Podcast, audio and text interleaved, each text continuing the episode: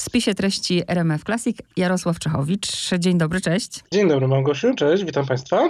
Minął równy roczek, y, bo twoja debiutancka książka ukazała się, nawet sprawdziłam, 23 kwietnia 2019 roku. No i teraz powieść druga, Winne, w związku z którą się spotykamy.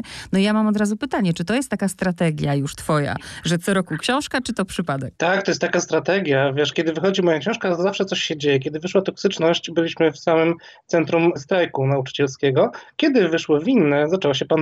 No to strach się bać.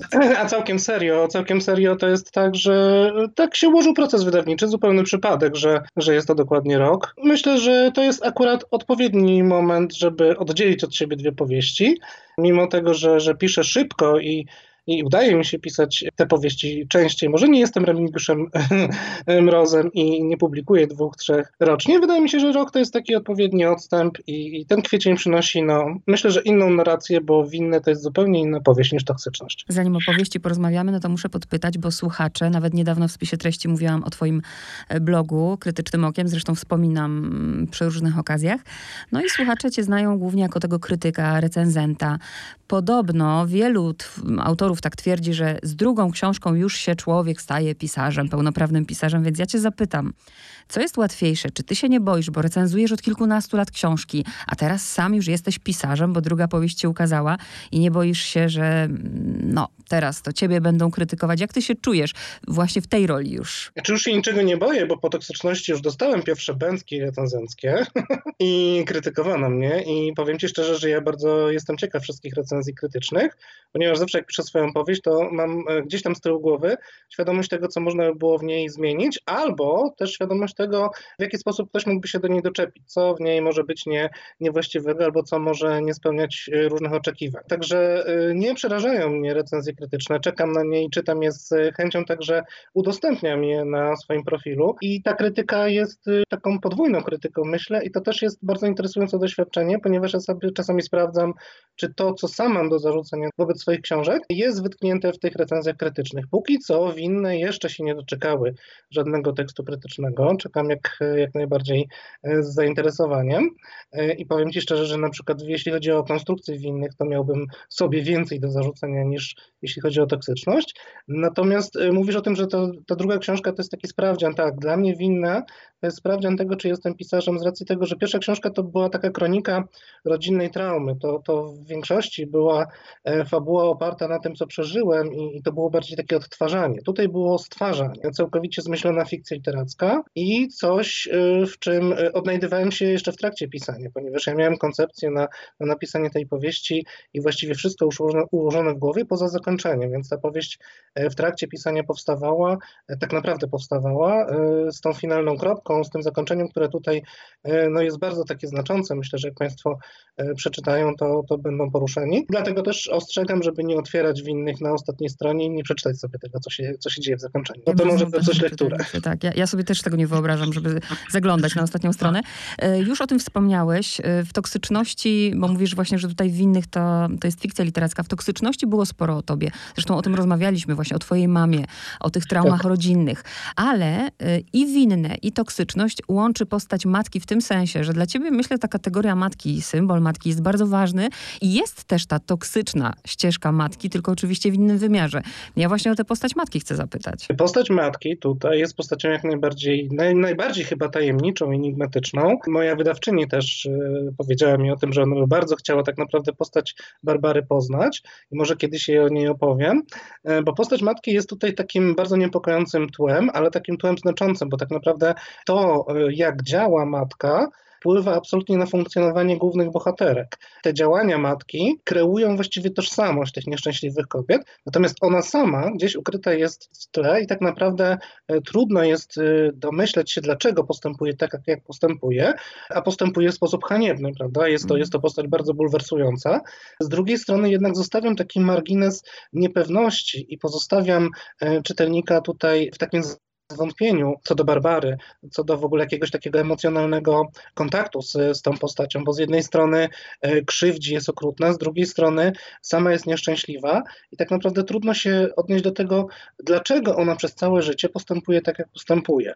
W toksyczności było tak, że, że bohaterka, moja matka, była właściwie odsłonięta w taki sposób, że pokazywałem ją w różnych sytuacjach, tak aby czytelnik no, nabrał takiej ambiwalentnej postawy, ale jednak mimo wszystko był w stanie ją zrozumieć. Barbara jest tutaj większą, większą tajemnicą i myślę, że tak, że, że postać takiej dysfunkcyjnej matki, matki w ogóle jako, jako kobiety, która nie spełnia oczekiwań, jest, jest znacząca. Może jeszcze wrócę do, do, do tego konstruktu takiej postaci. Na pewno te dwie książki postać, postać matki toksycznej łączy bardzo wyraźnie. Mhm. Mówię oczywiście o swoim doświadczeniu e, i mówię to czytelnikom, że twoich książek nie czyta się po to, żeby dowiedzieć się, co jest dalej, bo w innych na 40, około 40 strony jakby staje się e, jasne wszystko. Mówię tutaj o tej relacji córek, bo głównymi bohaterkami są Anna i Rena, które są siostrami, a Barbara jest ich matką, ale takie jest moje odczucie, że piszesz i tak samo było w, w toksyczności, że dla ciebie bardzo ważne są kwestie psychologiczne, psychologia postaci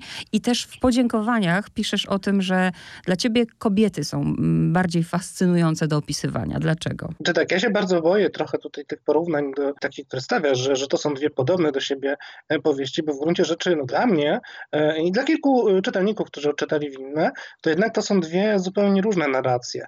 To, nie o że łączy mówię, je... mówię o tematyce. Mówię o tematyce, o tematyce traum i radzenia sobie z nimi. Tak, myślę, że, że tematyka w ogóle radzenia sobie z traumami to będzie tematyka przewodnia mojej prawdopodobnie może przyszłej twórczości. No to jest temat, który, który jest bardzo, bardzo mi bliski i bardzo ważny też do, do przedstawienia, ale w półtonach i w półcieniach. Nie, nie piszę żadnych powieści dydaktycznych i nie piszę E, po to, żeby wskazywać jakieś właściwe ścieżki postępowania, bardziej pisze o zapętleniu.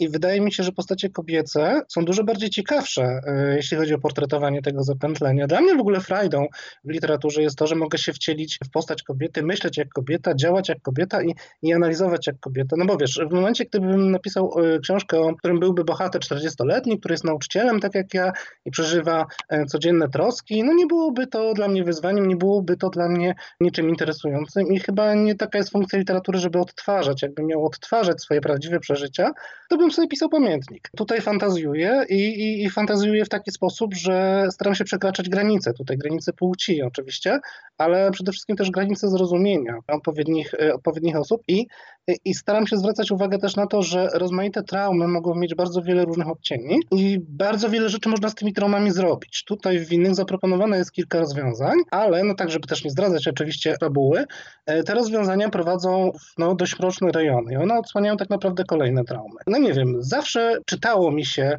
dużo bardziej e, uważnie o, o złych y, stronach życia ludzkiego i o tym, co jest w umyśle ludzkim, niż o tym, co jest radosne. Wspomniałeś właśnie o tych płcieniach. Rzeczywiście ukazujesz no, niejednoznacznie i postaci, i sytuacje, no i też czytelnik jakby sam decyduje o tym, czy do, do czytelnika jakby y, należy ta ocena tej postaci, a jeszcze zanim przejdziemy do narracji właśnie, bo tu ciekawe rzeczy się dzieją, to o tytule chcę powiedzieć, bo tak się troszeczkę zabawiłeś, bo te tytułowe winne tak naprawdę są niewinne. Hmm, winne i niewinne, troszeczkę tak. Zastanawiałem się nad tytułem dość długo. Y, przede wszystkim chciałem dobrać taki tytuł, którego nie było na rynku wydawniczym te dwa, które wcześniej myślałem, stwarzając tę powieść, już się pojawiły. Chciałem, żeby to było coś oryginalnego.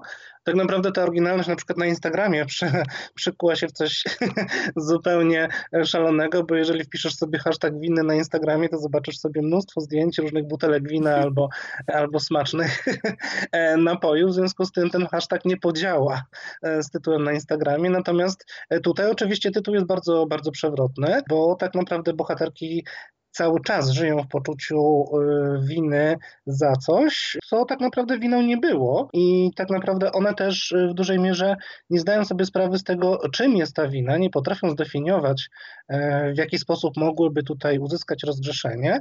A cała prawda o, o, jej, o ich winach, w cudzysłowie oczywiście, e, kryje się w drugiej narracji, takiej ukrytej narracji, narracji dwóch innych sióstr. Tak, to prawda. Mamy też dwie perspektywy czasowe, ale teraz chcę powiedzieć o tym, bo ja już to wiem, bo, po poprzedniej rozmowie z tobą, że ty jesteś fanem Islandii i tutaj jakby mm, wykorzystałeś jedną z bohaterek do tego, że tak naprawdę okazuje się, że nie można uciec. Nawet jeżeli jedziesz bardzo daleko, wiele tysięcy kilometrów, nie uciekniesz od siebie, od swojej głowy, od swoich problemów, ale właśnie dlatego Islandia, bo ty kochasz to miejsce. No to jest oczywistość, że nigdy nie uciekniemy od siebie i mógłbym ją tak naprawdę umieścić e, na Antarktydzie i byłoby to samo.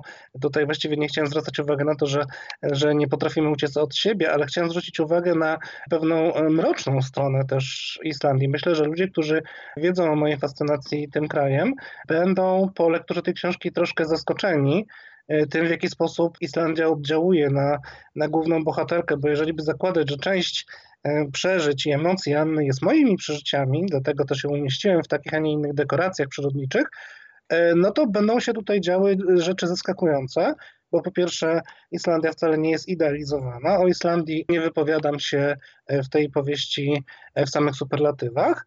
I można by powiedzieć, że tak naprawdę moja bliskość z tym krajem jest taką niesamowitą, chłodną bliskością. Myślę, że warto to przeczytać i przyjrzeć się temu, w jaki sposób e, człowiek, który jest zafascynowany danym krajem, potrafi ujrzeć, opisać, przedstawić troszeczkę drugą stronę tego miejsca, bo w Islandii w tej powieści jest miejsce na rozpacz, jest miejsce na rozczarowanie i jest to przede wszystkim przestrzeń dość niebezpieczna, taka toksyczna nawet, więc y, uwielbiając Islandię starałem się pokazać ją z trochę innej y, perspektywy, nakładając na to wszystko też problemy oczywiście głównej bohaterki. I nawet właśnie tak um, bardzo oszczędnie, czasem jest to jedno zdanie, ale dużo się można też dowiedzieć właśnie o zwyczajach kulturowych mieszkańców, to już podpowiadam. A teraz powiedz czytelnikowi, tym, którzy jeszcze nie mieli kontaktu z książką, jaki miałeś sposób i pomysł na kompozycję? Na narrację? E, najpierw oczywiście pojawiła się e, koncepcja historii tych dwóch sióstr, tak, która jest tutaj najważniejsza. I obdarzyłem te dwie siostry tak porówno chyba moimi cechami charakteru i moją taką też ambiwalencją przekonań co do pewnych, pewnych działań w życiu. Natomiast e, ta historia drugiego planu, o której już tutaj powiedziałem, historia dwóch kolejnych sióstr, pojawiła się dopiero w momencie, kiedy zacząłem układać e, ten szkielet fabularny dotyczący rozdzielenia e, Anny i Ireny. Okazuje się, że za tym rozdzieleniem ukryło się gdzieś tam w mojej podświadomości jeszcze inne rozdzielenie. Okazuje się, że ta druga część historii, ta druga historia sióstr, matki oraz y, jej siostry, zdaje się tutaj nawet w pewnym momencie ważniejsza, ale nie jest to powiedziana do końca. To jest ta e, część winy, która domaga się no, czytelniczego fantazjowania, być może pojawią się jakieś takie czytelnicze niedosyty, natomiast zwłaszcza w portretowaniu Barbary.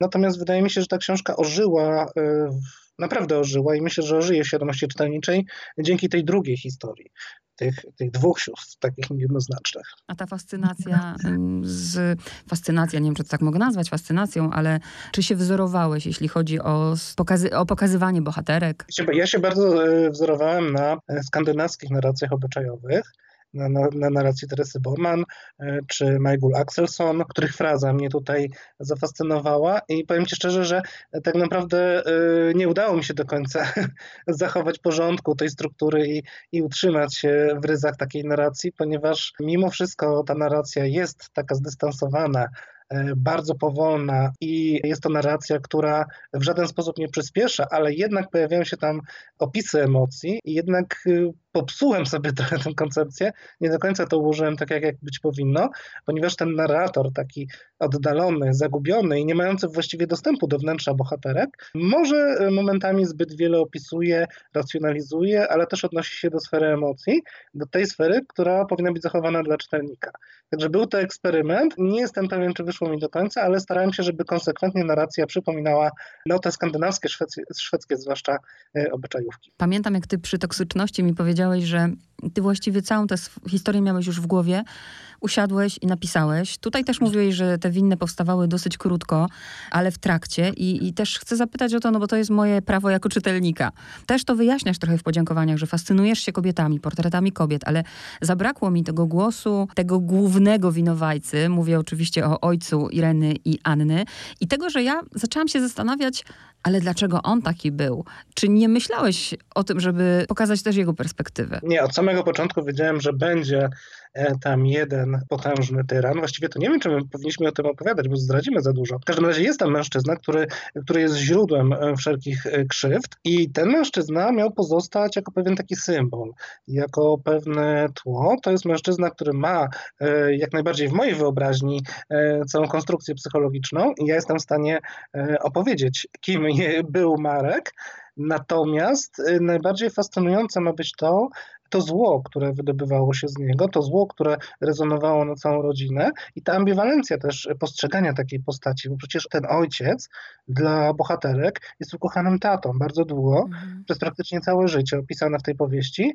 Y, jest to ktoś, jedyny ktoś, kto im tak naprawdę stworzył ze świata coś pięknego i jest to y, mężczyzna, za którym bardzo tęsknią przeciwieństwie do matki, jest to człowiek, który y, postrzegany jest jako wręcz anioł, prawda? Mhm. A jest okaże się tyranem. Jest tyranem i jest źródłem, tak naprawdę początkiem właściwie szeregu traum, które wydarzyły się w tej rodzinie. Mm-hmm. To jest właśnie to, o czym już wcześniej rozmawialiśmy, ta niejednoznaczność, prawda? To, że każdy inaczej postrzega danego bohatera, daną sytuację. Czy to tak będzie, że Jarosław Czechowicz będzie już zawsze pisał o trudnych rzeczach? Myślę, że Jarosław Czechowicz będzie postrzegany jako taki literacki smutasek. No może tak. Myślę, że to znaczy chodzę już z pomysłem na trzecią książkę oczywiście. Broń Boże, nie będzie ona inspirowana tą sytuacją, która się dzieje teraz, bo tak w ogóle zastanawiam się nad tym, jak wiele w przyszłym roku wyda się książek inspirowanych e, naszym zamknięciem i sytuacją tej grozy, która ma miejsce na E, na co dzień, ale myślę, e, myślę o takim eksperymencie, to znaczy o tym, że jeżeli napiszę tę trzecią powieść tak, jak chciałbym ją napisać, to postać męska będzie, będzie tutaj miała pewne znaczenie, ale będzie specjalnie zmarginalizowana, tak żeby nie było to czytelne dla odbiorcy. No i y, trudno mi w tej chwili powiedzieć, co, co, co się z tego wytworzy. Ja chodzę z powieścią, na, z, pomysłem na powieść przynajmniej 4 miesiące, zanim siądę do, do pisania, dlatego też piszę tak szybko, bo, bo to wszystko już się układa gdzieś tam w głowie. No i zobaczymy, czy ta trzecia będzie czymś innym, czy to jednak mimo wszystko będzie e, przejaw tego, że ja taki na co dzień optymista, człowiek radosny i, i postrzegany jako, jako e, bardzo energiczny, no kryje w sobie gdzieś te pokłady smutku, melancholii, problematycznej może, którą którą mm, gdzieś tam przekazuję w literaturze. Może mam podobnie jak Kuba Małecki, nie wiem, bo on też jest wesołym chłopakiem, który pisze smutne książki. Mm. Ja też właśnie się zastanawiałam nad tym, czy to też jest jakieś takie twoje, ale to tak już będzie, no bo są ludzie, którzy mm, po prostu mają refleksję na ten temat, analizują, rozliczają się. Są tacy, którzy się tym nie zajmują. Ja nawet mam wrażenie, że twoje bohaterki, właśnie ty nie terapeutyzujesz, nie dajesz tutaj jakby rad, nie ma szczęśliwych jakby rozwiązań. Nawet te bohaterki mm. chyba nie do końca sobie potrafiły poradzić poradzić. Nie, one sobie nie radzą. No i to też nie jest chyba tak, że w tej książce one sobie mają poradzić. Mm. Ta książka e, ma pokazać drogi poszukiwania e, wyjścia z impasu, ale jednocześnie winne to jest, to jest, to jest też taka powieść o niemożliwościach, o tym, że nie jesteśmy w stanie e, z pewnymi problemami sobie poradzić i to nie jest nasza wina, już tak nawiązując też do, do tytułu powieści. Myślę, że nigdy nie napiszę książki, w której sugerowałbym dydaktycznie, jak postępować i co, co należy zrobić, bo nie mam do tego śmiałości ani kompetencji, ani nie uważam, że, że pisarz powinien to, e, powinien to robić. Pisarz powinien raczej stawiać znaki zapytania, bulwersowe czytelnika, zastanawiać, pozostawiać gdzieś e, w rejonie niedopowiedzeń, e, ale przedstawiać mu i, i, i proponować mu pewien problem, który czytelnik sam musi sobie rozwiązywać. No, te bohaterki są problematyczne i z tymi problemami idą przez życie. A myślę, że ważny odbiorca winnych y, zamknie książkę i tak naprawdę dopiero wtedy ona w nim ożyje, bo, bo, bo to, co jest tam opisane, to jest dopiero początek pewnej drogi. Mhm. Zakończenie jest jak najbardziej otwarte, prawda? Jest dużo tragizmu, jest, jest y, nawet takie, no, pojawiają się takie przerażające elementy, prawda? Można by sobie pomyśleć o tym, że tak naprawdę nic już dobrego tam się nie wydarzy po, po zakończeniu tej fabuły, a, ale może jednak, no, że są jakieś możliwości. Nawet pomyślałam też o tym, że ty nieświadomie zupełnie, no bo przecież nie mogłeś pisząc tę książkę przewidzieć sytuacji, w której się znajdziemy i tego, że e, dzisiaj w zamknięciu coraz głośniej mówi się o tym, co się dzieje w odizolowaniu za zamkniętymi drzwiami. Mam na myśli właśnie mhm. temat przemocy psychicznej, fizycznej. E, tak, no winny porusza temat y, przemocy, myślę, bardziej psychicznej, też w pewnym takim izolowanym zamknięciu, bo tak naprawdę Barbara, o której tutaj mówi, mówiliśmy, e, Myślę, że zwróciłeś na to uwagę. To jest bohaterka, która z pewnej e, toksycznej dla niej przerażającej przestrzeni nie jest w stanie się wydobyć. Mm-hmm. Ona w sensie takim dosłownym nawet nie chce spacerować po mieście, nie chce odwiedzać siostry, prawda? Nie chce wychodzić z mieszkania, które było e, dla niej wiecznym źródłem opresji i w tym źródle opresji gdzieś tam cały czas, cały czas tkwi. Także A te granice no, czytanie kadzidła, przez pryzmat tego, mhm. jak, jak teraz musimy żyć, jak funkcjonować, i jak e, straszne to może być dla niektórych e, ludzi. E, myślę, że, że winne dzięki temu nabiorą e, chyba większej grozy, ale też, też będzie można przyjrzeć się tej sytuacji, że, e, że rzeczywiście zamknięcie, czasem izolacja e, wywołuje, eskaluje przemoc i ta przemoc jakoś zatrzymuje się gdzieś w tych ramach nie wychodzi na zewnątrz, ale ona jest i ona może być wieczna, ona może być straszna. A jak to jest teraz już odchodząc od powieści, jeszcze trochę o tobie, bo pisarz, e, chociaż wiem, że ty też pracujesz jako nauczyciel, ale pisarz no przeważnie jest sam, prawda? Sam to jest zawód bardzo samotny. No. I jak ty się odnajdujesz w takim razie w tej sytuacji, która jest? Teraz w tej chwili, czy znaczy ja generalnie bardzo lubię samotność, wbrew, wbrew temu, co można by było sądzić. Ja bardzo lubię być sam ze sobą, bo lubię siebie i lubię izolację. Tak sobie nawet żartowałem ze znajomymi ostatnio, że, że właściwie 70% mojego życia to jest kwarantanna. I to, co się w tej chwili dzieje, no nie wpływa w jakiś sposób destrukcyjnie też na mnie, nie jest dla mnie żadną nowością, bo ja po prostu lubię przebywać w domu w swoim towarzystwie. To, że na co dzień pracuję e, w szkole, oczywiście muszę wchodzić w bardzo e, duży szereg relacji, no i muszę być jakąś taką e, osobą socjalizującą się i będącą pośród innych, e, nie znaczy, że, że nie mogę sobie wypracować też tej swojej strefy komfortu, bezpiecznej strefy komfortu w domu i e, no powiem Ci szczerze, że ja się czuję bardzo, bardzo dobrze sam ze sobą i z tym, co jest, aczkolwiek no to, co jest na zewnątrz oczywiście mnie przeraża i najgorsze jest to, że zwróć uwagę, tak naprawdę nic nie zmierza ku, ku jakimś pozytywnym rozwiązaniom, ku, ku jakiejś nadziei, bo pandemia trwa, aczkolwiek no, niektórzy próbują e, rzeczywistość zaczarować, mówiąc o zniesieniu ograniczeń. Natomiast no cóż, no, liczba zakażonych osób i w przypadku śmiertelnych w każdym kraju codziennie po prostu rośnie. Mhm. Zaczęliśmy żartobliwie i tak skończę. Właśnie zaczęłam się zastanawiać, że jak się e, spotkamy albo będziemy rozmawiać za rok w związku z twoją no, najnowszą książką, to ciekawa jestem, jak będzie wyglądał świat. Co się e, będzie działo? Przy trzeciej książce myślisz, tak? tak że, że tak. przy każdej coś się wydarzy, tak. zobaczymy, tak. co będzie przy trzeciej. No zobaczymy, zobaczymy. Jarosław Czechowicz był moim gościem. Dziękuję bardzo. Dziękuję bardzo.